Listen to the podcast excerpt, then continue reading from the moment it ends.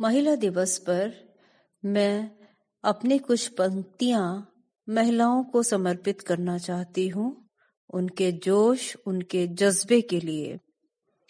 मेरी कविता का शीर्षक है, मेरी पहचान। मैं नारी हूँ, अपनी पहचान खुद बनाती हूँ। मैं स्वाभिमान से जीती हूँ, इसलिए मैं निर्भीक, सबल नारी हूँ। पुरुष प्रधान जगत में मैं अपनी प्रतिभा का लोहा मनवाती हूँ। अब हर क्षेत्र, हर स्तर पर मैं कामयाबी का स्पर्श पाती हूँ। पुरुष को तिरस्कृत लक्ष्य न मेरा, पर पुरुष प्रधान संसार में मैं अब अपना स्थान बनाना जानती हूँ।